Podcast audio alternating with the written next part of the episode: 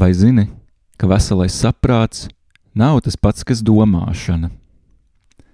Nav daudz kā tāda, ko filozofija darītu patiešām un bez atlikuma skaidru. Nevelti dialogā dzīves, Platona Sokrats, sakojot Diotīmas domas pavadienam, pielīdzina filozofus erotam. Ne viņš ir skaists, ne viņš ir labs, ne viņš ir laimīgs, ne arī sevišķi gudrs, ne, ne tas zina, kas jādara. Erots ir vidējs. Un tāpat arī filozofi nav nekādi gudrie, taču, ja paveicas, nav nejēgas. Nedaudz asāk izsakās Hanna Ārente, citēju: To, ka ar filozofu, kad viņš domā, viss nav kārtībā, viņam liek apzināties pašu veselais saprāts, tas, ka viņš ir tāds pats cilvēks kā tu un es. Pētot ārentes uzskatus, Sandra Hinčmena skaidro, ka veselais saprāts ir kategorija, kas attiecas uz politiku vārda plašā nozīmē. Tā ir cilvēku kopdzīve, vienas ilgstošas, turpinātas sabiedrības vai kopienas ietvaros, kur kopiena katram tās individuālajam loceklim ir nepieciešama, lai dzīvotu labi un lai vispār dzīvotu. Politika kā cilvēku kopdzīve un savstarpējā atkarība. Par realitāti un to, kas ir īsts, varam būt pārliecināti tikai tad, ja mums ir klātesoši citi cilvēki, kas redz, dzird un uztver visu to pašu, ko uztveram mēs. Nekad nekļūdīgi nevaram zināt to, ko zinām vai jūtam tikai mēs vieni. Tas būtu privātais saprāts, jeb vājprāts. Mana izpratne par objektivitāti un to, kas ir īsts, nevar ilgstoši turpināties, ja man nav pārliecības, ka to līdzdala citi. Veselais saprāts iedibinās, izzinot un salīdzinot līdzcilvēku skatu punktus. Tas iegūst savu formu, cilvēkam esot spējīgam salīdzināt savu individuālo perspektīvu ar savas kopienas biedru skatu punktiem. Būtisku lomu tajā spēlē valoda, spēja vispār komunicēt. Tā dara pieejamus kopīgus simbolus, tēlus, kultūru, paražas. Veselā saprāta saturu veido dalītas vēsturiskās pieredzes, kolektīvā atmiņa un kopīga valoda. Veselais saprāts ir cilvēku kopības, vienotas pasaules un īstenības garants, un kā tāds tas ir cilvēka izdzīvošanas nosacījums, bez kā nebūtu iespējams orientēties pasaulē. Veselais saprāts ir cilvēcisko esamību veidojošs.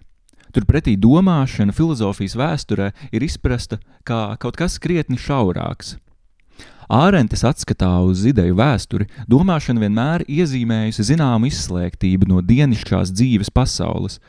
Domāšana ir darbs ar domas objektiem. Tā ir triviāla, bet būtiska tēze. Proti, Augustīna formulējumā domas objekts ir atjutekliskojums. Citiem vārdiem, lai maņās dotos sajūtamos priekšmetus būtu iespējams priekšstatīt arī tad, kad tie nav acu priekšā, tos vispirms ir nepieciešams atjutekliskot, padarīt redzamus tikai prātam. Nu, piemēram, savu grāmatu plauktu varu priekšstatīt arī tad, kad esmu radio studijā. Mans grāmatu plaukts šajā mirklī ir kļuvis par man vienam pieejamu un no malas neredzamu, tādā nozīmē atjutekliskotu priekšstatu. Šādā statusā ir visa domāšana. Tā ir operēšana ar atjutekliskojumiem. Domāšana no veselā saprāta perspektīvas ir sava veida nobrukums ierastajā kārtībā. Domājošais cilvēks vairs nav tā teikt uz vietas. Domāšana apstādina jebkuru citu darbību, un pat ja domājošajam apkārt ir piemēram krēsli, galdi un citi cilvēki, domājošais vairs nav starp tiem. Viņš strādā ar neredzamiem domas objektiem. Domātājam neredzamas lietas ir iznākušas priekšplānā, un redzamās lietas pat kļūst par šķēršļiem domāšanai. Ja mans kaķis apgāž puķu podu, pirmkārt skaņa un otrkārt netīrība ar savu nepastarpināto klātbūtni manā uztverē izgaisina un nomaina neredzamo par redzamo. Cita domāšanas iezīme ir tā, ka domāšana ir zināma aktivitāte. Tā atšķiras no pārliecības vai zināšanas, ar to, ka tā ir spēja, kas jebkuru pārliecību un zināšanu ļauj pārbaudīt un apšaubīt. Šādā ziņā tā ir atšķirama arī no izziņas, jo tā principā nesniedz atbildes. Drīzāk domāšana ir garantija, ka iespējamas arvien jaunas un atšķirīgas atbildes. Domāšana nav tik daudz rezultāts, kā tā ir process, un kā tāda tā nav pārbaudāma, kā pārbaudāma ir kāda atbilde vai secinājums.